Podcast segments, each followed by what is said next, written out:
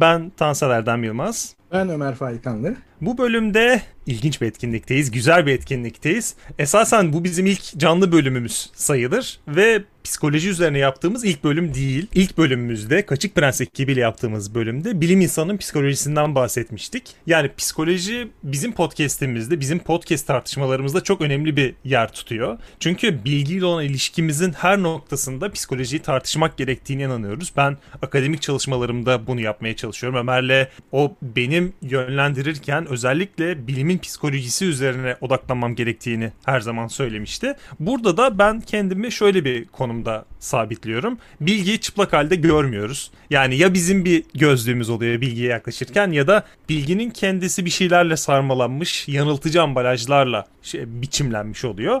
Epistemoloji, bilgi felsefesi de bilim psikolojisi ve bilim sosyolojisinden ayrı değerlendirilemiyor. Artık son noktada ya da nereden baktığımıza göre ilk noktada bunu söylemek gerekiyor. Bilginin üretim süreci yani kitaplarla ya da makalelerle yaratılıyor gibi görünse de insan ilişkilerinin payı bana kalırsa kitaplar, deneyler ya da yapılan çalışmalardan çok daha büyük ve e, bunların da zaten belli kavramsallaştırmaları var. Gerektiği noktada tartışırız. Sen ne diyorsun buna? Şimdi tabii e, her ne kadar bu bizim böyle bir 109. bölümümüz olsa da şimdi burada arkadaşlarımızla beraberiz. O yüzden kendimizi birkaç kez daha belki de tekrar etmekte fark, fayda var. E, yani bizim podcast'imizin veya gayri safi fikirlerin odağı her zaman epistemoloji e, veya da işte bilim felsefesi ile kodlandı veya böyle belirlendi. Bunun da sebebi şu benim hani bir anlamda uzmanlığımın, felsefe içindeki uzmanlığımın bilim felsefesi veya epistemoloji olmasının tabii ki bunda bir etkisi olmakla beraber şöyle bir tezimiz vardı.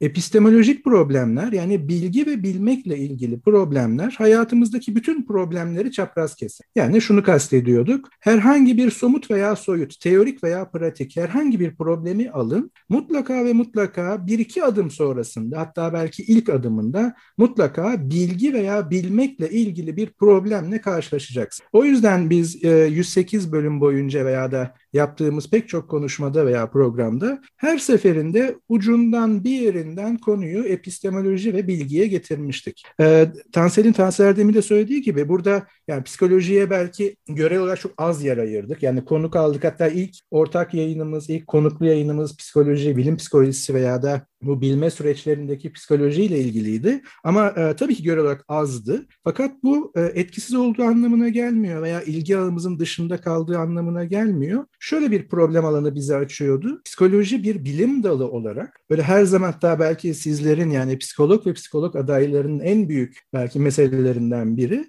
Ee, biz bunu felsefe için veya ben bunu felsefe için çok ciddi, çok e, sıklıkla dillendiririm bir espri olarak. Türkiye'de her üç kişiden dördü felsefeyi çok sever. Her üç kişiden dördü aslında filozoftur. Ama felsefe de bu haldedir Türkiye'de veya da belki dünyada. Ama ne yazık ki hani felsefe belki bunu kaldırıyor ama neredeyse Türkiye'de her üç kişiden dördü de psikolog. Yani psikoloji hakkında mutlaka bir fikri var veya sizin alanınıza tecavüz ediyor. Yani psikoloji alanına başka meslek alanlarından pay e, veya da e, hisse talep edenler var vesaire. O yüzden biz hani bu işin hocası, bu işin profesyonelliği haricinde biz sadece bilim psikolojisi veya da işte epistemoloji psikolojik kesişiminde kalmaya çalıştığımız ve o alanın da cahili olduğumuz için hani bunu rahatlıkla söyleyebiliriz. Her birimiz pek çok alanın cahiliyiz ama esas cehalet bildiğini sanma durumudur. Hep bunu söylemiştik. O yüzden biraz az konuşmuştuk. Ama hazır böyle bir fırsat oldu. Ben şuradan e, konuyu biraz daha açabilirim. E, son zamanlarda şu üç soruyu odaklıyoruz. Pe- pek çok mecra mecrada hatta derslerimde bile bunun üzerinde duruyorum. Yani tekrarlıyorum. Herhangi bir problemi çözmek için neyi bilmeliyim? Yani bu bir ilk soru belki de. Herhangi bir problem. Yani maddi sorunlarım var. Ben bu maddi sorunları çözmek için neyi bilmeliyim? Hangi bilgiye dayalı olarak eylem geliştireceğim, ekonomik bir tavır alacağım veya da kendimi tahkim edeceğim vesaire. Yani çok e, bunu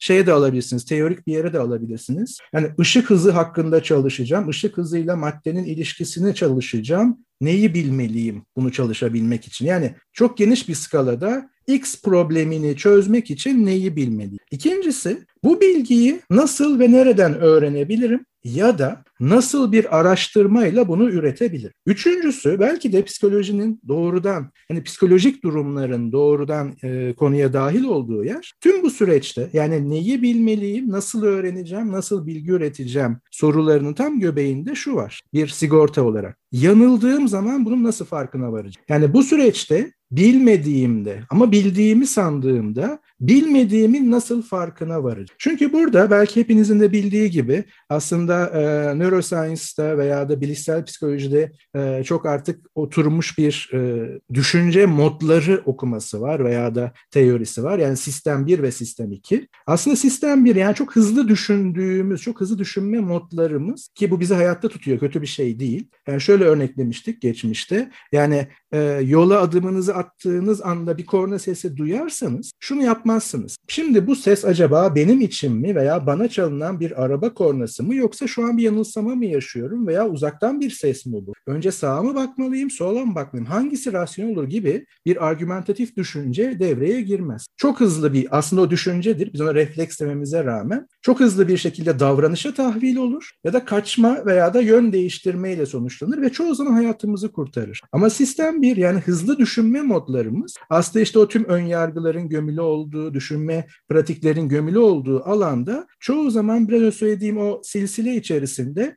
ne yanılması ya? Yanılmıyorum. Tabii ki doğru söylüyorumu da dedirten bir sistem biz. Ve biz bununla yol alıyoruz. Veya da e, belki Tanser Erdem'in dediği gibi bilim insanının yani sistem 2'nin yani yavaş, argümentatif, kanıtlara dayalı düşünme modlarının rafine halinin çalıştığını varsaydığımız veya bunun aktörü olan, bunun uygulayıcısı olan bilim insanının da bir psikolojisi, psikolojik durumları ve kendi epistemolojik süreçlerine dahil olan olumlu olumsuz modları olduğunu sıklıkla unutuyoruz unuturuz. Ben bunu e, yani hani derste tabii ki daha farklı terimlerle anlatmayı tercih etsem de gayri safi fikirler hep kendimden örnek veriyorum. Belki sizler de aynı şeyi düşünüyorsunuz. E, ben ilkokuldan başlayarak üniversite hayatım boyunca işte öğretmen, öğretim üyesi, hoca sanki android gibi gelirdi bana. Yani onun böyle bir üzüntüleri yok, kızgınlıkları yok, başka hayatı yok. Çünkü derse geliyor, dersten çıkıyor. Hep böyle tanıyoruz. Yani bu ortamlar da yoktu. Daha yakın tanışıklıklar kurma şansımız da yoktu. E, ve biz orada böyle hakikatin sesi yani modamot işini yapıyor, bilgi aktarıyor veya bilgi üretiyor.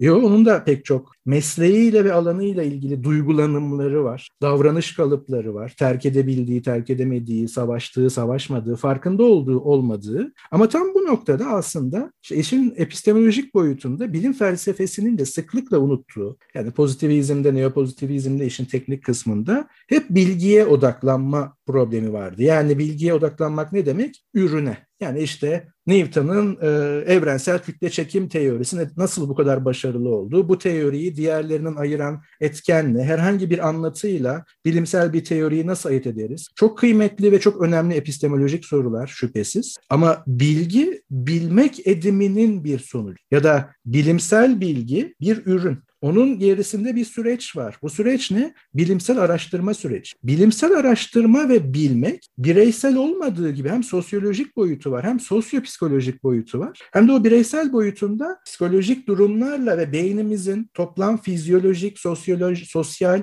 ve psikolojik o bütünlüğü içerisinde üretir. Şimdi eğer biz gerek gayri safi fikirlerde, gerek daha teknik olarak bilim felsefesinde bunlar yokmuş gibi davranırsak veya bunlara sadece olumsuz etkenler gibi düşünürsek, yani pek çoğunuz hem buradaki arkadaşlarım hem de belki bunu dinleyecek olanlar felsefe tarihiyle veya da genel düşünce tarihiyle e, aşina olanlar Francis Bacon hatırlayacaklardır. Francis Bacon yola şunla çıkar, idolleri temizlemek. Yani bizi doğru bilgiye ulaştıracak yoldaki engellerden kurtulmak. Bu idollerin büyük bir kısmı bize gömülüdür, içkindir. Bunlar psikolojik durumlardır. Bunları tamamen ortadan kaldıramayız. Peki ne yapabiliriz? Farkında olarak onları nötrleyebiliriz. Yani bir şeyi tahrif etmeyi düşünün. Ee, yani benim gözlüğüm ışığı bir derece fark fazla kırıyor. O zaman ben gördüğüm şeyi bir derece eksiye getiririm ki gerçeği nedir anlayabileyim. Şimdi o yüzden de bilme ediminden psikolojik unsurları, duyguları çıkaralım. Bunların farkında olduğumuzda nötr, tarafsız o bilgiye ulaşalım.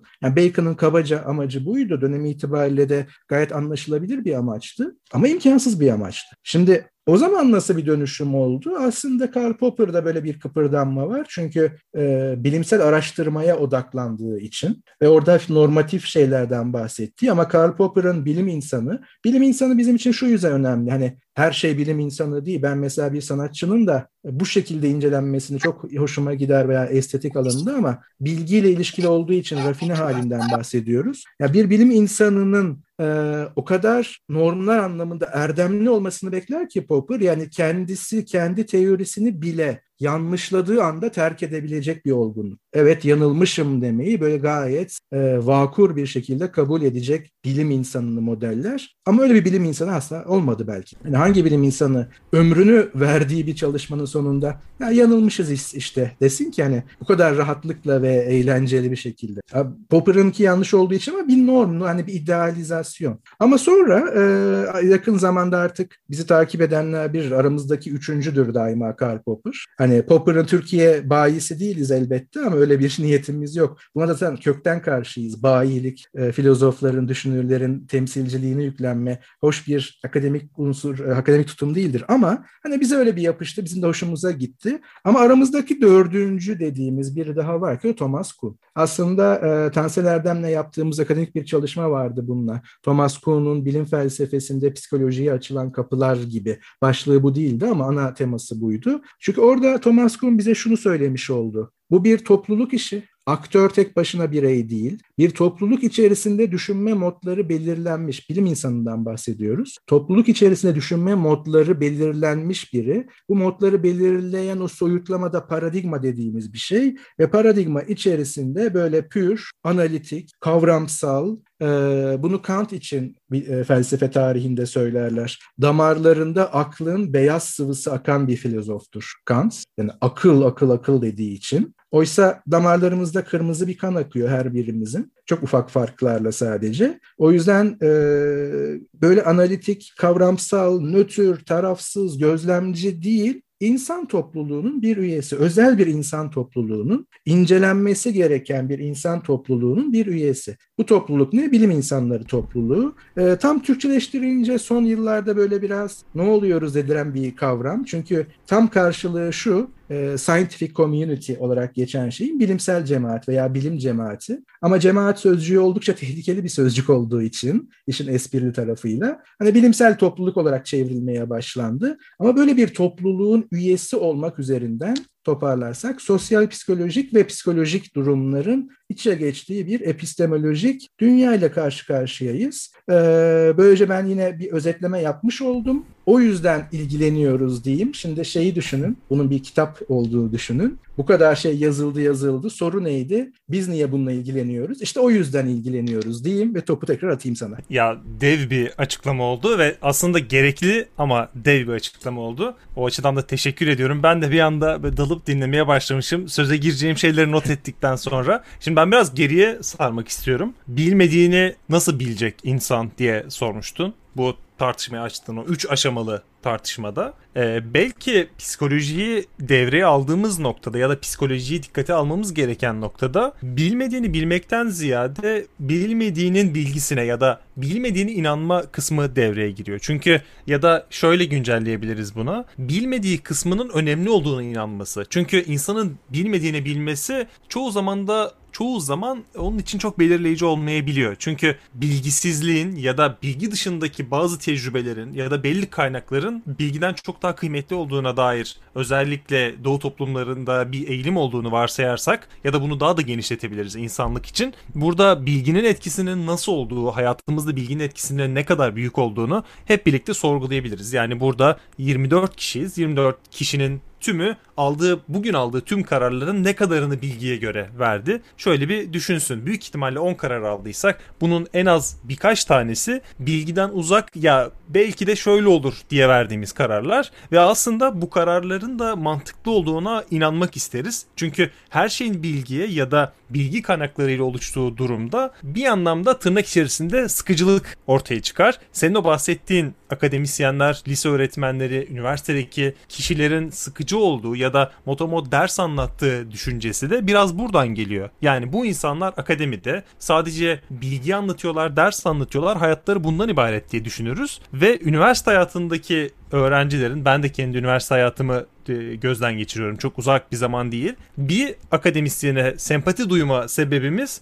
onun bize ya da çocuksu bir özelliğini yakalamayla ilgiliydi. Mesela bizim de YouTube'da bölüm kaydettiğimiz ve sonrasında podcast'imize konuk aldığımız Hüseyin Özel çok iyi bir akademikti ama beni onu e, benim aklıma onun kazınma sebebi Guns N' Roses dinleyerek iktisat eğrilerini Guns ve Rose olarak anlatmasıydı. Bilgi odağından çıkıp sıradan hatta vasat diyeceğimiz bazı öğeleri de içerebildiğini gördüğümüz zaman akademisyenlere ya da bilgiyle ilişkisi olan insanlara da sempatimiz artıyor. Yani biz her ne kadar bunu tartışıyor olsak da bir yandan bunun sempatisini besliyoruz ve büyük ihtimalle de bunun etkisinde yaşamaya devam edeceğiz. Senin bahsettiğin akademik çalışmamız vardı. O akademik çalışma yani şu an burada bir makaleden bahsediyoruz gibi geliyor ama buradaki herkes akademinin bir şekilde üyesi. Yani onun kimi ondan yararlanıyor, kimi ondan besleniyor, kimi onu besliyor. Bir şekilde burada bir e, çarktan bahsediyorsak o çarkın dişlisiyiz. Burada alınan kararların tümünün sadece bilgiyle alınmadığı hatta bazılarının bilgiyle hiçbir zaman ilişkisi olamayacağına dair bir tartışmadan bahsediyoruz. Ve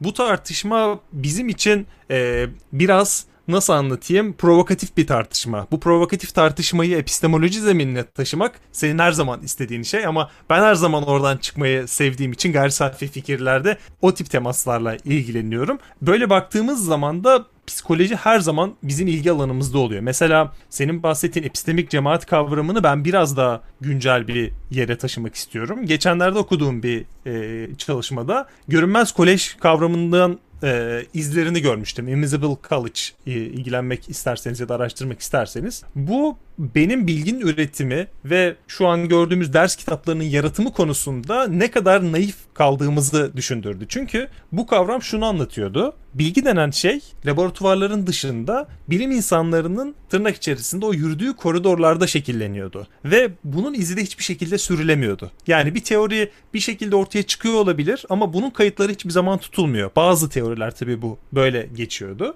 Ve bunu anlatmak için de sık sık yüz yüze görüşen, fikir alışverişinde bulunan ve birbirlerini ya sen bunu yaparsın, şuradan devam et, şu teoriye git biraz diyerek cesaretlendiren ve çok küçük etkileşime sahip akademisyen topluluğunu anlatıyordu. Şimdi böyle baktığımız zaman buradaki epistemik cemaat ya da cemaat kavramı çok daha derinleşiyor ve çok daha kıymetli hale geliyor. Ve burada e, şunu diyerek bu tartışmanın içinden çıkmak da bana çok doğru gelmiyor. E o zaman bilgi de zaten insan ilişkilerinin bir ürünüymüş diyerek bu işin içinden çıkmak olayı şu seviyede basitleştirmekten başka bir anlama gelmiyor. Bilim insanı laboratuvarına girdiğinde nesnellik e, önlüğünü üzerine giyer gibi sıkıcı bir cümlenin karşısına koyacağımız şey bu olmamalı. Çünkü bu ikisinin ortasında insanın rasyonel olduğu ve bilgiyi üretirken ya da bilgi ilişkisini sınarken kullandığı filtreleri var. Yani bir bilim insanı insan ilişkileriyle bilgi ya da konumunu şekillendiriyor olabilir. Ancak ne onu sadece bu şekilde değerlendirmek gerekiyor ne de sadece nesnelmiş gibi yaklaşmak gerekiyor. Yani buradaki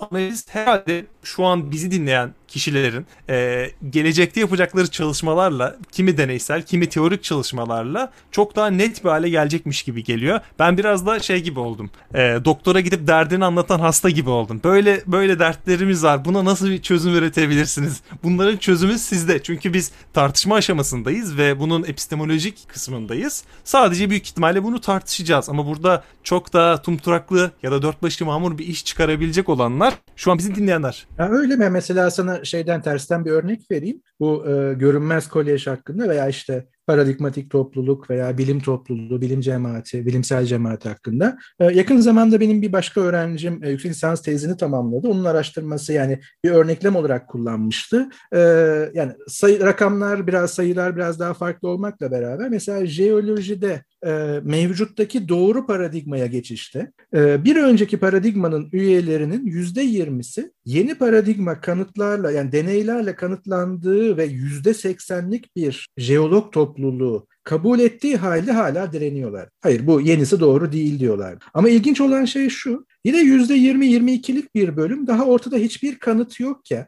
yani henüz bir hipotez, güçlü bir hipotez seviyesindeyken yeni paradigmaya uyum sağlamış ve yeni paradigmanın doğru olduğunu savunmaya başladı. Şimdi aradaki zaten işte %60'lık kesim bizim alışılageldiğimiz hani biraz daha çalışmalar olsun, yayınlar olsun, kanıtları bir görelim, bakalım diyen kesim. O yüzden bilimin ana akımını belki onlar oluşturuyor. Ama bu iki marş yani %20-22 daha orta kanıt yokken yeniye geçiyor. Ama yine bir yüzde 20-22'lik bir oran aşağı yukarı. Tüm kanıtlar artık varken ve yüzde 80'lik bir bölüm yeni paradigmayı kabul etmişken hala eski paradigmada ayak diriyor. Ve bunlar hala bilim insanı. Tabii ki jeoloji bilimi içerisindeki konumları e, farklılaşır. Bu da aslında ilişkilerle ilgilidir yine. Yani şöyle kabul etmediğiniz zaman yeni dergiler veya dergiler artık yeni makaleleri e, bu yeni çalışmalarla dolduracaktır. Siz artık yanlış olduğu kabul edilen hatta gösterilen eski paradigmanın mensupları olarak yayın yapamaz hale geleceksiniz. Belki biraz da esprili bir şekilde ama cidden de bu terim kullanılır. Alanın dinozorları haline geleceksiniz. E, yani biraz daha karikatürize edersek Türkiye'de bunun örnekleri vardır pek çok alanda. Ya işte e, Ömer Hoca da hani üzerime alayım örneği henüz yaşım oralarda değil ama Ömer Hoca da iyidir, hoştur ama eskide artık onun düşünceleri veya o eski işlerle uğraşıyor. Nereye kadar bu Popper, Kuhn diyecekler bir gün belki de eğer kendimi yenileyemezsem. Ama devam edeceğim elbet. Şimdi buradaki soru şu yani epistemolojik kanıtlar veya da e, bilgi bir şekilde akarken çok hızlı geçmeye veya direnmeye bizi sevk eden şey ne? Hem de bilim insanı olarak. Aslında bu görünmez kolej veya işte insan ilişkileri, topluluk ilişkileri burada bir kez daha öne çıkıyor. Ama işi biraz daha aşağıdan yani temelden analiz edersek e, hani bilmediğin nasıl bileceksin durumu vardı ya aslında bu bir farkındalık durumu. Yani yanılıyormuşum farkına varmam lazım. Bunun için de makul bir şüpheye sahip olmak. Peki o makul şüphe ne zaman makul olmaktan çıkar? Yani ben bunu da pek çok yerde belki dillendirmişimdir. Ee, Pardon filminde Ferhan Şensoy'un tiyatro oyununda da aynı sahne geçer. Ee, işte hapistedirler suçsuz yere artık canlarını tak etmiştir. Kaçma planları yapmaya başlarlar. Ferhan Şensoy'un e,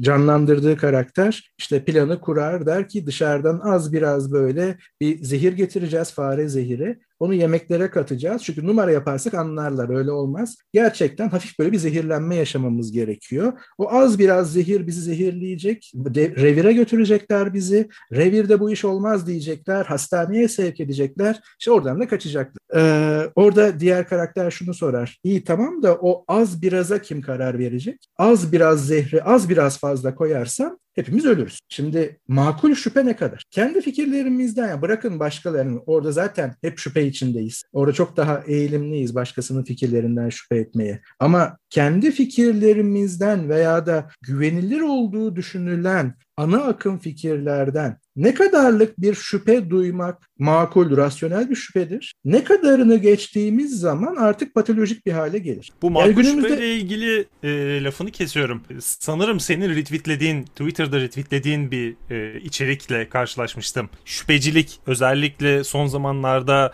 e, koronavirüs aşısı tartışmalarında çok fazla ortaya çıkmıştı. Yani bunun etki edip etmediği konusunda şüphe etmekte özgür değil miyiz? Zaten şüphecilik dediğiniz bu değil midir diye şöyle bir şerh düşülmüştü buna. Şüphecilik dediğimiz şey her şeyden şüphe edip her konuda laf cambazlığı yapmaktan ziyade bunu bilgi temelinde tartışmaktır. Yani ortaya attığınız bilgi iddialarını tartışmak ve bilgi iddiaları çerçevesinde şüphenizi yürütmektir. Kanıt istemek ve kanıt sonrasında tamam o zaman benim şüphem bu kanıt çerçevesinde giderildi demek. Yani senin de bahsettiğin gibi makul şüphe e, hiçbir şekilde kendini ikna etmemeye ya da ikna olmamaya şartladıysan büyük ihtimalle makul şüphene hiçbir zaman makul şüphe giderici gelmeyecektir. Yani onun ilacı bir şekilde e, mümkün değildir. Çünkü sen zaten orada her şekilde şüphe etmeye kendini konumlandırmışsındır. Büyük ihtimalle bu arada e, senin de buraya temas etmende o e, retweet dediğin şey e, tweet gelmişti aklına. Sen tam onu paylaştığında benim aklıma da bu geldi.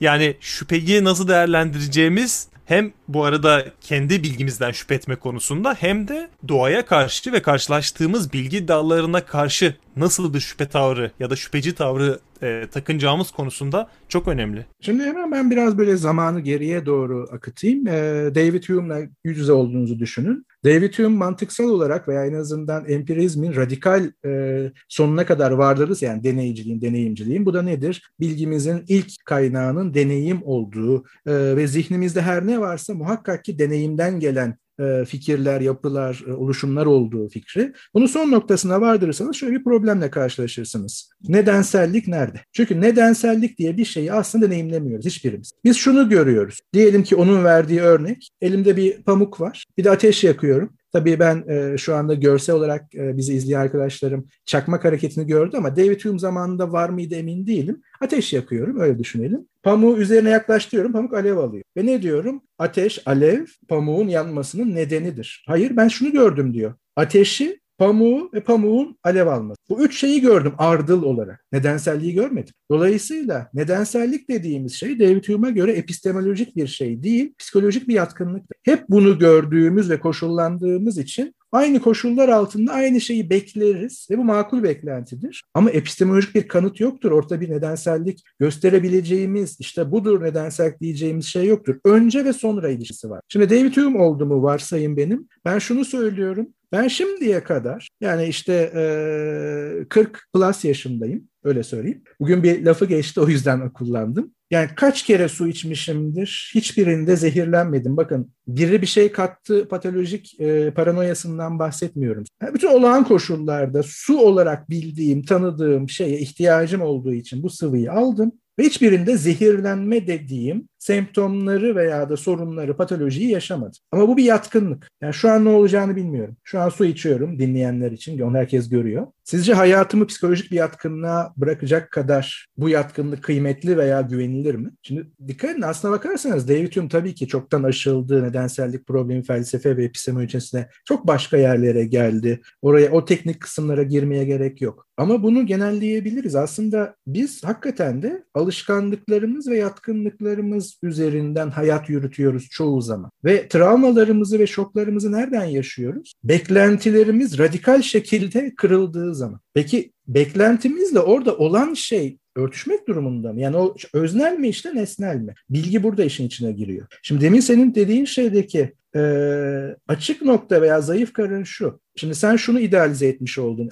Doğru katılıyorum. Makul şüphenin formülasyonu budur. Kanıtla yok edilebiliyorsa makul şüphedir. O yüzden biz Popper'ın sıklıkla şeyi kullanırız ya. Karşınızdakine veya kendinize veya da soyut muhatabınıza şunu yöneltin. Bu metin de olabilir. Sana hangi kanıtı getirirsem yanıldığını kabul edeceksin. Bakın o kanıtı bulamayabilirim, getiremeyebilirim, yanılmıyor olabilirsin. Ama tartışmanın başında hangi kanıtla yanılabileceğini Hani bana baştan söyleyebilir olman gerekiyor ki bilgi temelinde ve kanıtlar temelinde konuştuğumuzu, diyalog kurduğumuzu, muhatap olduğumuzun emin olalım karşılıklı olarak. Ama şeyi düşünün yani bu Türkçe'ye de sirayet etmiş bir kullanımdır. Gözümle görsem inanmam. Yani nasıl bir kanıt bekliyorsun? Hani bunu çok böyle siyasi yerlere de götürebilirsiniz. Hani e, lider kültürü, lider karizması. Yani ne yaparsa yapsın o bir şey vardır onun arkasında doğrudur diye. E seni öldürüyor. Vardır bir bildiğiye kadar gider bu iş. Şimdi bunu biz tekrar geriye alalım. Sen bunu baz aldığın zaman makul şüpheyle makul olmayan şüpheyi ayırt edebiliyorsun. Ama günümüzdeki durum biraz da işte o post-truth denilen durumda kanıtların yani neyin kanıt olacağı tartılıyor zaten. Bakın X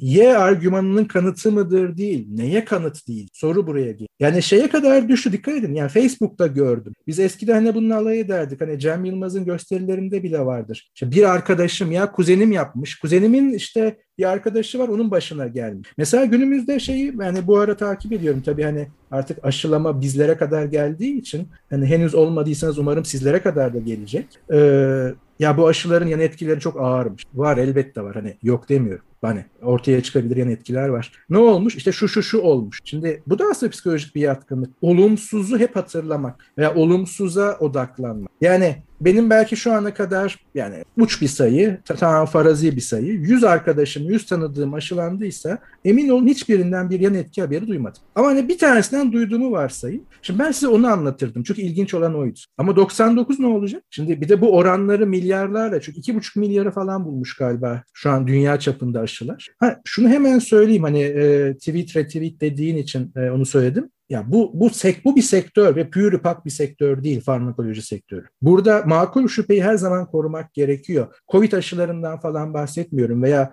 aşının kendisinden bahsetmiyorum. Unutmayın aşı karşıtlığı kategorik bir karşıt. Yoksa ortaya çıkmış bir X aşısının işte çalışması şöyle bu var ben bundan bazı şüphelerim var bilimsel olarak araş bunlar çok makul zaten ama aşı karşıtlığı kategorik bir karşıtlık. Şimdi biraz söylediğim şey bu makul şüpheden patolojik şüpheye ne zaman geçiyor? Çünkü bilime veya bilimsel yaklaşıma içkin olan şüphe çok kıymetli ama bu her şüphenin de bilimsel olduğu veya makul olduğu anlamına gelmiyor. Ama tersten düşünün. Yani bilginin de klasik tanımı ta Platon'dan beri doğruluğu gereçlendirilebilir sanı kanı inanç. Doksa kelimesi kullanılır antik Yunanca'da. Daha önce pek çok kez üzerinde durduk. Yani Türkçe'ye çevirdiğinizde sanı, kanı, inanç anlamlarını taşıyor. Sanıyı da en iyi şöyle içselleştirebilirsiniz. Herhangi bir konu hakkında ya sanıyorum ki dediğinizde ne kadar güveniyorsanız o dediğiniz şeye ama biliyorum ki dediğiniz ne kadar güveniyorsunuz. Yani öznel bir durumdan bahsediyorum. İşte aradaki fark bu sanıyla bilgi arası. Ama bakın bu aynı zamanda bir inanç modu. İnanç e,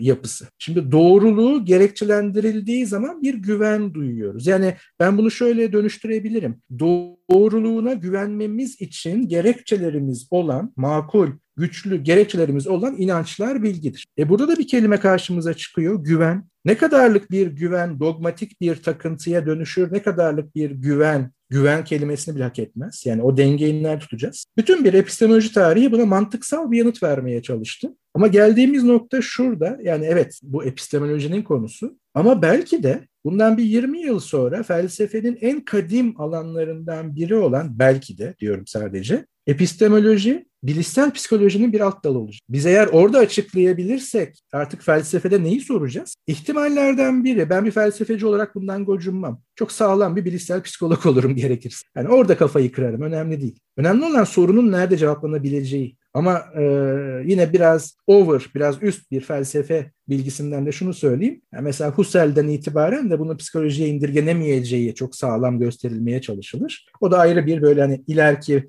e, arkadaşlarımızın belki çalışmaları aşma için bir ipucu olsun. Ama özetle bu kadar. Bu ikinci şeyde de şunu söyleyebilirim. Psikolojik durumlar gerek en uç noktalarda işte post-truth dediğimiz artık patolojik bir şüphenin veya da duygulanım hallerinin hakikatin yerini aldığı veya onu ikame ettiği durumlarda gerekse en sağlam güvenilirlik üzerinde bilginin güvenilirliği noktasında işin içinde soyutlanabilir veya da e, yok sayılabilir bir durum değil. Burada bize şu soru armağan edilir disipliner olarak ama bunun cevabı şu anda Türkiye'de yok. Yani tabii genelliyorum çok doğru bir şey değil ama bir felsefeciyle bir bilişsel psikolog nasıl çalışır? Yani bilişsel dediğim sebebi de şu yani sadece oraya indirgemiyorum. Psikolojinin bütün alanları bu konuyu çalışabilir elbette. Ama hani o artık bu çok iç içe geçtiği için oraya özel bir şey yapıyorum. Yani işte yapay zeka çalışmalarından tutun da işte davranış modellemelerine kadar çok başarılı işler orada yapılabildiği için orayı önde tutuyorum. Ama ben nasıl çalışabilirler bir arada? Çünkü klasik yaklaşımımız şu hepinizin bildiği gibi hani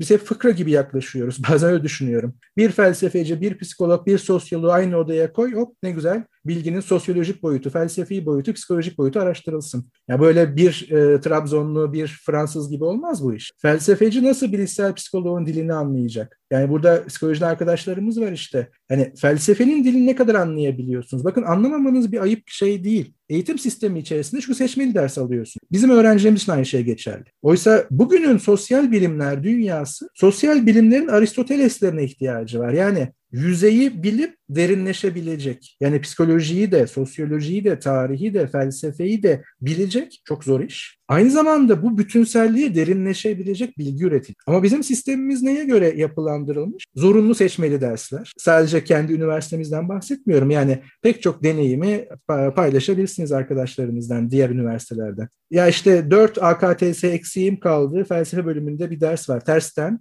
Ya benim formasyon almam lazım. iki tane psikoloji dersi. Ya iki tane psikoloji dersi ne gerek var? Yani sen üniversiteden mezun olduğunda nasıl bir problem çözücü olacaksın? Bunun için sana hangi bilgi gerekiyor? Hangi bakış açısı gerekiyor? O dersler bunu veriyor mu? Tabii çok ideal bir yerden şu an konuşmaya başladım ama çünkü nihayetinde aslında her birimiz mezun olduğumuzda üniversitenin amacı bu. Ben biraz öyle bakıyorum. Problem çözücü olmamız gerekiyor. Tüm dünya için değil, belli bir alan için. Yani psikolojik arkadaşlarım psikoloji alanında bir problemi çözemiyorsanız, hali hazırda çözümü olan veya henüz çözülememiş, e, o zaman size psikolog denmez. Aynı şekilde felsefi bir problemi teşhis edemiyorsanız, tanımlayamıyorsanız, bunu felsefe tarihi için ilişkilendiremiyorsanız da felsefeci denmez. Diğerleri için de aynı şey söylenebilir. Şimdi bakın ne kadar birbirinin iç içe geçmiş problem kümeleri. Yani ister buradan akademik yapılanmayı tartışalım. Hani bu şu anda bundan sonra değil de hani bakın ne kadar yol açılıyor Arap hani bu konuşmalarda. İster işte temel e, epistemolojik bilgi tanımındaki psikolojik unsur nedir üzerine gidelim. İster işte Invisible College'da yani görünmez kolejde veya topluluktaki o sosyal psikolojik durumlara bakalım. Hani şey diyoruz ya yani çalışacak konu kalmadı acaba. Bir tanesel senin şöyle elini gördüm sanki. Evet ufaktan el kaldırmış gibi oldum. Ee, şimdi bu noktada ben yavaş yavaş seni yanıtlayıp kapanışa doğru gideceğim de hı hı. şöyle bir nefes arası verip konuşmaya katılmak isteyen şu ana kadar konuştuğumuz tartışmaların bir yerine eklemlenmek isteyen, yorum yapmak isteyen varsa direkt olarak söze girebilir. Mikrofonunu açıp yorumunu yapabilir ya da şurayı yanlış söylediniz diyebilir. Ee, onun çağrısını yapayım istedim. Çünkü biz böyle eklemlenerek hızlı hızlı ilerliyoruz. Belki katılmak isteyen vardır. Ee, ben konuşurken bir yandan gelebilir. Utku el kaldırmış. Yazarak ya da sesle bizi yanıtlayabilirsin Utku. Ee, hocam benim bir sorum var bununla ilgili. Ee, Kuğunu okuduğum zaman şunu fark ettim. Ee, mesela direkt olarak bir kesilme ve ondan sonucunda bir güç mücadelesi gözüküyordu akademide yeni bir bilgi, e, yeni bir kuramın gelişi açısından. E, fakat kendi bilim tarihi okumalarımdan şunu fark ettim. Aslında bu fikirler eş zamanlı olarak yer alıyorlar ve problem çözdükçe ilerliyorlar. Yani Popper'in dediği gibi. E, bu noktada e, bu kadar göreceli olması e, tam toparlayamadım sorumu. E, Ama anladım sanırım. Ben e, cevap verirken sen tamamla istersen. Tamam. Benim kaçırdığım bir yer varsa. E, Şimdi şöyle bir şey var. Thomas Kuhn'un bir orijinal teorisi var. Çünkü Thomas Kuhn'un düşüncesi çok dinamik bir düşünce. Yani ana özü koruyarak özellikle 1980'lere doğru ve sonrasında dönüşümler geçiriyor. Fikirlerinden vazgeçmiyor, inceltiyor. Aslında bütün başarılı teorilerde olduğu gibi. Şimdi orijinal teoride her zaman bunu söyler. Şöyle bir de ironik ve e, hatta böyle biraz çelişkili bir durum vardır. Çünkü Thomas Kuhn paradigma fikrini sosyal bilimciler hatta psikologlar arasında yoğunluklu olarak üretmiştir. Yani sosyal bilimciler arasında çalışırken özel bir burs programıyla bir araştırmada e, hepsinin ayrı tellerden çaldığını fark eder. Hepsi aynı anda bilim yapıyordur ama aynı şeyden bahsetmiyordur. Yani bunu şey gibi düşünün. Ee, yani şu anda psikoloji alanında tabii ki bu çok soyutlama ve teorik bir yer kalıyor ama işte davranışçı olabilirsiniz, e, Lakancı olabilirsiniz, Freudian olabilirsiniz. Freudian olmanız çok zordur. Ayrıdır konu. Hani çünkü bilim mi değil mi çok tartışmalıdır. Ama meşru şekilde tartışabilirsiniz. Bunun her birine gidebilirsiniz. Veya Weberian bir sosyal sosyolojik okuma yapabilirsiniz. Bourdieu'cu yapabilirsiniz, Marksist yapabilirsiniz ve kimse sizi dışlamaz. Sadece yanlış bulurlar sizi karşılıklı olarak. Şimdi Kuhn'un gördüğü buydu ama şunu fark ediyor bizim bilim dediğimiz ve bilim ismini esas olarak kendinden çıkaran doğa bilimlerinde, temel bilimlerde bu yok. Yani şu anda bir Aristotelesçi olamazsınız fizik anlamında. Hatta Newtoncu olamazsınız öyle söyleyeyim. Hani gravitasyonu, kütle çekimini en iyi Einstein açıklıyor şu an. Ama o da mesela kuantumla uyumsuz. Yani orada bir evet sıkıntı var ama şu makro mikro ayrımına gidersin. Dolayısıyla Kuhn bu çatışma kriz dönemini bir paradigmanın belirli bir problem veya problem grubunu çözemeyip krize girmesi ve burada alternatif paradigmaların açığa çıkması, bu problemi çözmeye aday ve burada bir çatışmaya girme, bunu böyle bir fetret devri gibi görüyor bilimsel akışta. Yani iktidarın kaybolduğu eş zamanlı iktidarı oynayan birden çok paradigma adayının ve eskinin gitgide değer kaybettiği veya iktidar yani epistemolojik iktidardan bahsediyorum. Ama sonra biri bu problemi çözebildiği ve diğerlerinin kendine bağladığı zaman rasyonel anlamda devrim gerçekleşiyor, yeni paradigma başlıyor. Orijinal teori böyleydi. Ve e, yani po, şeyden alın pozitivizmden, Auguste Comte evet sosyal fiziği kurmaya e, adaydır ve bunun için sosyolojinin kurucusu olarak görülür akademik anlamda. Ama e, o da bunu yapar. Yani doğa bilimlerini modelliyorum. Buradan sosyal bilimlere. Karl Popper aynı şeyi yapar. Yani e, açık toplum ve düşmanları ve onun otobiyografik metinleri haricinde sosyal bilim incelemesi yaptığı yer çok çok azdır. O da bunu söyler. Benim yani şeyim Einstein devrimi. Ben bunu modelliyorum. Buradan bilimi kavramaya çalışıyorum. Thomas Kuhn zaten fizikçi. Yani meslekten fizikçi öyle düşün. Problem şuradan geliyor ki e, bu benim hem akademik anlamda da problemim. Yani çalışma alanım alanlarımdan biri. Ya sosyal bilimler başından beri çok paradigma. Yani bırakın çatışmayı. Evet yani bir çatışma aralarında var ama zaten çatışma durumu sosyal bilimlerin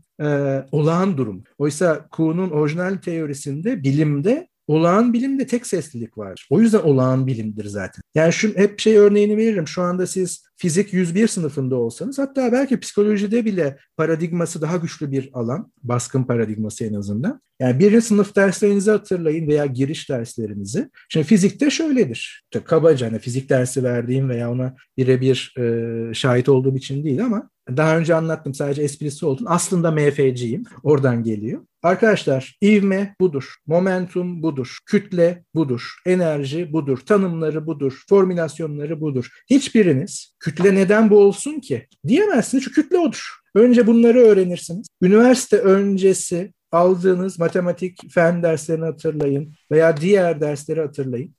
Acaba diyeceğiz bir durum yok ki budur yani. Veya geometriyi hatırlayın. Ben ilkokulda en gıcık olduğum şey yani geometri değil şuydu. Ya çok güzel bugün iki kere ikiyi öğrendik, iki kere üçü öğrendik, iki kere dördü öğrendik. Tabii yani metaforik, alegorik bir şey anlatıyorum. Üçüncü gün geliyor. Evet arkadaşlar şimdi öğrendiniz 1795 çarpı 1215'i bulun bakalım diyorlar. Aslında size paradigmayı veriyor. Çarpmanın nasıl bir şey olduğunu öğretip çok zor bir çarpmayı veriyor ama artık yapabilirsin çünkü örneklerim var. Şimdi bilim böyle çalışıyor idi doğa bilimlerinde. Modellenen de buydu. Ama sosyal bilimlerde aynı şey budur diyemezsiniz. Yani Marksist bir toplum tanımıyla Weberci bir toplum tanımı neden çelişiyor? Ve hangisi doğru? Şimdi deminki fıkrayı realize edelim. Bir Marksistle bir Weberciyi aynı odaya koyun bakalım. Yepyeni bir sentez mi çıkar yoksa birbirlerinin boğazlarlar akademik anlamda? Ve neden sabaha kadar tartışma sonuca varmaz? Oysa yani ben biraz daha iyi fizik bilsem son 15 dakikada size Einstein'cı çıkarırım buradan. Çok abartıyorum tabii ki ama hani çok zor değil. Hele felsefeye gelin. Yani felsefede acaba bir şeyci olmak nasıldır o ayrı bir konu da. Yani bir Hegelci bir Marksistle karşılaşmış ve diye giden fıkralar anlatılabilir mi? Anlatılır. Ama bir Newtoncu bir Einstein'cı ile karşılaşmaz. Einstein'cı olur sonunda. Ya da meslek dışı kalır. Şimdi bu bir problem. Yani şu anlamda bir bilim felsefesi yani bir bilim çalışmaları problemi. Çünkü sos, benim iddiam şu. Sosyal bilimlerin epistemolojik modellemesi hala başarılamadı. Epistemolojisi yok anlamında değil. Hiçbir e, ana akım teori bilim teorisi henüz sosyal bilimleri de içerecek şekilde tüm bir bilimi modelleyemiyor. Bu da zaten alanın hala açık olduğunu ve bir anlamda e, terimi ihtiyatlı kullanmak kaydıyla ilerlemeye açık olduğunu kanıt. Belki bir gün yapılır. Belki de doğası gereği bunlar yapılamayacak. Ama uğraşmak keyifli ve eğlenceli olacak. Buse yazmıştı en son. Makul şüphecilik tartışmasıyla ilgili e, onun anlattığı şey zaten şu an herkes görüyordur. Psikolojik tartışmalarda herhalde bunu şey olarak düşündüm ben. Bir rahatsızlığın teşhisi noktasında ya da onun e, ciddiye alınması noktasında günlük rutini bozma ya da bozmama olarak düşünmüş. Makul şüpheciliği de yani bu, bu noktada değerlendirdiğimiz zaman e, belki de bizim düşünme ritmimizi ne kadar etkilediği ya da bizim inançlarımızı ya da bilgiyle olan ilişkimizi ne kadar etkilediği konusunda tartışabiliriz. Bu arada el kaldırdın mı Utku yoksa tekrar mı gördüm ben aynısını? Ee, kaldırdım hocam. Ee, Ömer Hoca'nın anlattıklarından bir sorun daha oluştu. Ee, mesela psikoloji tarihine baktığımızda e, psikoloji deneysel bir noktaya getirmeye çalışıldığını ve aslında bunun büyük bir ölçüde başarıldığını görüyoruz. E, ve hmm, başarıldığını görüyoruz. Ve e, şunu söyleyebiliriz ki bugün mesela davranışçı olan Watson'la e, e, Milgram veya Steven Pinker yan yana oturduklarında birbirlerinin deneylerinin bulguları hakkında tartışabilecek noktalarda. Hani birbirlerini boğazlayacak boğazlamalarından ziyade oradan bir e, yeni bir e, hipotez oluşturabilme noktasındalar. Yani bence bunu tartışabilirler. E, bu noktada e, psikolojinin bu durumuyla sosyolojinin arasındaki fark e, psikolojiyi fen bilimlerini biraz daha yakınlaştırmaz mı? Kesinlikle yani şu var e, bu bir zenginleşmedir. Yani mesela bu iki e, bilim dalına tabii ki yani yine çok ihtiyatlı konuşmak lazım. Çünkü çok geniş bilim dalları. Yani öyle bir örnek bize getirilir ki sosyolojide. İşte ama bakın bu alanlar da böyle. E ne güzel deriz. Hani o yüzden dışlayıcı değil. Ama bu bir zenginleşme. Yani birini iyi birini kötü yapmaktan ziyade ama psikolojinin zaten şöyle bir durumu var. Ee, yani bir ara buna girişmiştim. Kendi e, akademik kariyerim açısından sadece bir örnek. E, çok paradigmalılık dediğiniz şeyi inceleyebileceğiniz bence üç alan var sosyal bilimler içerisinde. Yani hepsini de incelersiniz de işi böyle daha eğlenceli ve daha incelikli kılacak. Biri coğrafya. Şimdi düşünün yani hepimizin coğrafya imgesi, imajı nedir bir bilim dalı olarak? Hemen haritalar aklınıza geliyor. İşte dağlar, tepeler, akarsular, işte e, jeomorfoloji vesaire onlar geliyor ama Beşeri coğrafya diye bir şey var ve beşeri coğrafya günümüzde iktisat ve sosyolojiye çok çok yakınlaşmış durumda. Mekanı vurgulayarak yaparsanız adı beşeri coğrafya oluyor tüm bu problemlerde. Peki beşeri coğrafyayla yani şöyle düşünün büyük firmaların lokasyon seçimi problemiyle bir yeryüzü problemi ikisi de coğrafya problemi. Nasıl ikisi de coğrafya? Yani bu kadar farklı görünen iki şey nasıl coğrafya kalıyor? O yüzden coğrafyanın bir doğa bilimleri bir sosyal bilimler ayağı var ve kendi içine de ayrışıyor. Özellikle beşeri kısmı çok paradigmalı incelemek için mü- müthiş bir örneklem. İkincisi antropoloji. Yani hepiniz biliyorsunuz hani o kafatası ölçümlerinden nerelere kadar açıldı geldi. Ama üçüncüsü ve daha belki de günümüzde önem kazanan psikoloji. Çünkü tam da senin örneklediğin ve diğer arkadaşlarımız da eminim ki bildiği gibi artık mesela yapay zeka çalışmalarında veya işte davranış modellemeleri, örüntüleri konusunda çok deneysel ve hani öyle anket manket değil yani baya baya bu hani şey yapılabiliyor veya iktisatta kullanılan deneyler, deneysel yöntemler psikolojiye çok yakın psikolojinin kullandığına ve bu bize şunu gösteriyor. Doğa bilimleriyle yine beşeri disiplin olma arasında bir sarkaçta. Bu onu hem güçlendiriyor hem zenginleştiriyor ama hem de ona bir gerilim yüklüyor içinde. Yani bu her disiplinde vardır. Yani siz de bununla karşılaştınız, duydunuz. Mesela felsefeden örnek vereyim sadece. Mesela birinci sınıf filozoflar ki yoktur. Yani öyle birinci sınıf, ikinci sınıf falan diye bir şey olmaz. Ama işte yine bu da psikolojik veya da bir bağlanma durumu belki de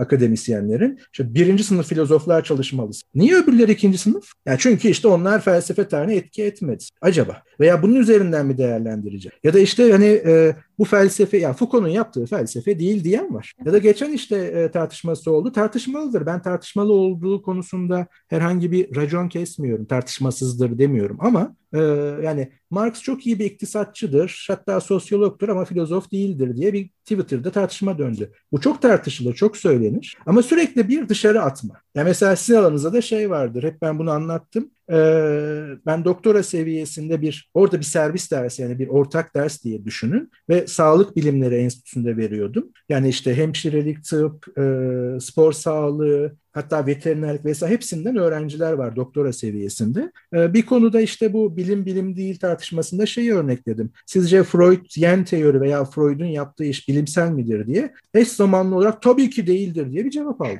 Sorun değil ama dersten sonra merak ettim. İki kişiden böyle eş zamanlı senkron ses çıktı. Yani hani e, şöyle düşünün bizim Tansel'le bu programdan önce işte tam e, bitime yakın bak şunu aynı anda söyleyeceğiz. Bakın 1, 2, 3 bak olmadı 1, 2, 3 yani senin sesin öne çıkıyor diye prova yaptığımızı düşünün. O kadar senkron. Ya dedim ki yani bu daha önce konuşuldu mu? Ha, olabilir tesadüf eder. Yani dersten önce tam Freud'u konuşuyorsunuzdur. Düşünün yani nasıl entelektüel bir ortam. Dersi beklerken elimizde bir kahve diyelim. Kahvelerimizi içerken işte Freud konuşuyorduk. Aa ders başlıyormuş falan diye düşünün. Böyle bir ortam değil elbet. Yok hocam biz burada tanıştık dedi. Peki yani bu görüşünüzün eş zamanlı olması ve bu kadar tepkisel olması neye bağlı? Hangi alanlardansınız dedim. Ee, biri tıpçıydı, öbürü klinik psikolog çıkış itibariyle. Fikrin kendisinin doğruluğu yanlışlığı ayrı. Freudian teorinin hangi kritere göre bilimsel kabul edilir? Çünkü tekrar sorunları var. Açıklama güç çok fazla ama açıklama mı metafizik mi? Bilimsel bir açıklama mı tartışılabilir. Bunların hepsi var ama yani düşünün alanda iki kişi hayır değildir dışarıda.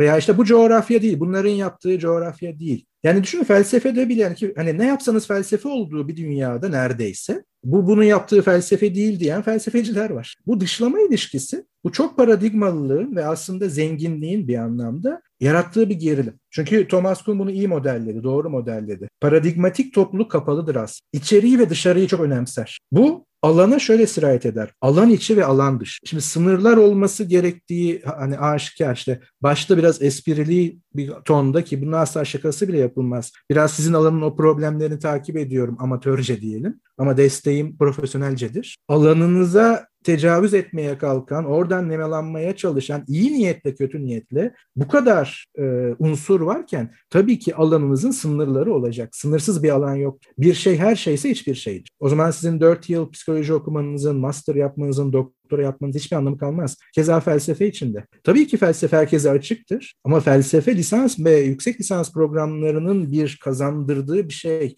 bir alan yoksa niye bunlar var ki? Hani orada bir anekdotla bunu tamamlayayım. Ee, sonra ben zaten yavaş yavaş bir son beş dakika demek istiyorum kendim için. Hani bir saat olması için. Ee, Üçüncü sınıftaydım galiba lisansımı. E, o zaman da böyle yani ilgili olan arkadaşlarım bilecektir. Hala o furya var ama o kadar güçlü esmiyor. Türkiye'de çeviriler üzerinden bunu da ayrı konuşmak lazım. Türkiye'nin felsefe gündemini hatta sosyal bilim gündemini tabii ki aşağılarda. Kötü anlam hiyerarşik aşağı değil. Hani lisans seviyelerinde veya amatörler seviyesinde çeviriler belirler. Eğer dil bilginiz yoksa çünkü ancak oradan okursunuz. Başka yapacak bir şey yoktur. Makuldür yani. Bu da kötü bir şey değil ama bir Deleuze fırtınası esiyor. Herkes Deleuze'cu. Şimdi Deleuze da Spinoza'yı parlat tekrar felsefe tarihinde. Ve tabii buraya kazandırdı. Bunun çok iyi e, burada yorumcuları, geliştiricileri, bu teoriyi kavrayanlar oldu. Mesela Ulus Baker çok iyidir. Hani e, YouTube'da falan videoları var. E, böyle klasik felsefeci ile postmodern arasını görmek için ve e, doktora tezi duygular sosyolojisidir yanlış hatırlamıyorsam. Türkiye'de ilktir o konuda. Ulus Baker'e o konuda bir bakın. E, hani bunlar vardı. Benim de o zaman tiyatrodan bir arkadaşım, dil tarihi orta bahçeyi düşünün. E, böyle konuşurken flörüyle bir ara ben de flör taktım. şey demiyorum, kötü bir şey demiyorum. Dedi ki işte Deleuze'un Spinoza'sını okudun mu dedi. Çok da böyle Davudi bir sesi vardı. Dedim okumadım. Hani sen nasıl felsefecisin dedi. Ya ben Platon'dan almışım meseleyi veya bana oradan vermişler ilk sınıfım ilk günümden. Tabii ki Spinoza'yı falan biliyorum da oho Deleuze daha ben lisans 3'teyim. Ben tüm, tümünden sorumluyum alan olarak. Ama dışarıdan bir okur istediği her şeyi okuyabilir. Bu onun zenginliğidir. Ya ben şu anda herhangi istediğim bir psikoloji metnini okuyabilirim. Çünkü serbest. Ama siz o işin öğrencisi veya da profesyonel olacaksınız. O özgürlüğünüz yok. Her şeyi okumak zorundasınız. Şimdi bana dışarıdan bakın sen nasıl felsefecisin? Şimdi alanların derinliği ve alan sınırları zaten orada belli bir derinleşme veya bir şeyler yapabilmek için zaman gerektiren şeyler. Ve siz bu yatırımı yapıyorsanız tabii ki alanınızı korursunuz içeriye ve dışarı. Yani içerideki İrlandalılara ve dışarıdakilere karşı. Ama bu çok paradigmalılık içerisinde alanın herhangi bir başlamakta olan paradigması veya umut vaat paradigmasını e, bu bilim değildir, bu işte psikoloji değildir, bu felsefe değildir, bu sosyoloji değildir gibi epistemolojik veya da rasyonel olmayan bir dışlamaya da sonuçlanır. Bunun kendisi bir araştırma konusu. Bu hepimizde var. Çünkü. Ön yargılarınız olan düşünürleri düşünün ve şunu sorun. sorun. Benim bir düşünüre niye ön yargım var? Ya saçma değil mi temelde? Hani yani mantıken saçma. Benim bir düşünüre niye ön yargım olabilir olumsuz anlamda? Okurum bana hitap etmez. Okurum anlamam. Okurum fikirlerine katılmam. Okurum eleştirmenlerin haklı olduğunu düşün. Hani hepsi açıktır ama o filozof değil, o psikolog değil, o şu değil, bu değil çok daha başka bir yerde. Ee, sorulara elbette açığız ama hani zamanlama açısından toparlarsak da sevinirim. Ya bu senin bahsettiğin bir düşünüre neden ön yargılıyız hem pozitif hem de negatif açıdan herhalde o düşünürün ortaya attığı tezlerin artık e, ya da sosyoloji boyutunda örneğin attı bunu sosyolojiden taşıp çok farklı kültürel noktalara eklemlenmesi ve bazı kişi olay, nesne, mekanlarla özdeşleşecek noktaya gelmesi artık e, o eklemlendiği noktalarda bizde negatifi de pozitif hisler uyandırmasına da sebep olabiliyor. Yani salt olarak o düşünürle iletişim kurmak çok da mümkün olmuyor. Çünkü onu okuduğumuz zaman onu savunan ama saçma sapan olduğunu düşündüğümüz biri geliyor. İlişkilendirildiği bir olay geliyor. Onlar da tabii bizim görüş açımızı daraltıyor. Birazcık ortamı e, hararetlendiriyor. E, neredeyse bir saat olmuş biz konuşmaya başlayalı. E, aldığımız sorular oldu katkılar oldu. Her şey için çok teşekkürler. Bizi davet ettiğiniz için de çok teşekkür ederiz. Ee, çok mutlu olduk kendi adıma. Çok e, keyifli geçti, çok verimli geçti. Sizlerle birlikte konuşmak ya da canlı olarak bizi dinleyen birilerinin ve bize katılabileceğini bildiğimiz birilerinin olması çok iyi hissettirdi. Teşekkür ediyoruz. Burada tabii sözü eğer senin de bir vedan olacaksa sana ardından da Buse'ye devredeceğim. Ee, katılıyorum yani çok çok eğlenceliydi, çok keyif aldık önemli da bu zaten. Biz gayri safi fikirlere eminim başlangıçta sen de hikayeyi anlattın. Yani eğlenmek için başladık ve eğlendiğimiz için devam ediyoruz. Bakmayın bendeki mesleki deformasyon ee, bir lecture'a çevirerek hep gidiyorum. O yüzden Tanseler'dim hep burada. Ee, o böyle aradaki soruları, frenlemeleri, fikirleriyle işi o eğlenceli tarafta tutuyor. Ee, ama yani burada hem kendi adıma hem Erdem adına sanırım söz verebilirim. Yani bir ikinci e, buluşma diyebiliriz yeni dönemde. İstediğiniz zaman nereye, nasıl, hangi ortamda şu an online tabii ki yapmak zorundayız ama bir gün belki böyle yüz yüze e, mekansallık içerisinde yani bizden size açık çek ne zaman isterseniz gayri safi fikirler sadece iki kişilik değildir. Aramızdaki üçüncü ve dördüncü soyutlamalardır. Aramızdaki gerçek 3, 4, 5, 6 ve sayamayacağım şu anda 18 kişi buradadır ve artacaktır. Tekrar ve tekrar teşekkür ediyorum. Hayatın denklemleriyle bilimin teorisi. Gayri safi fikirler.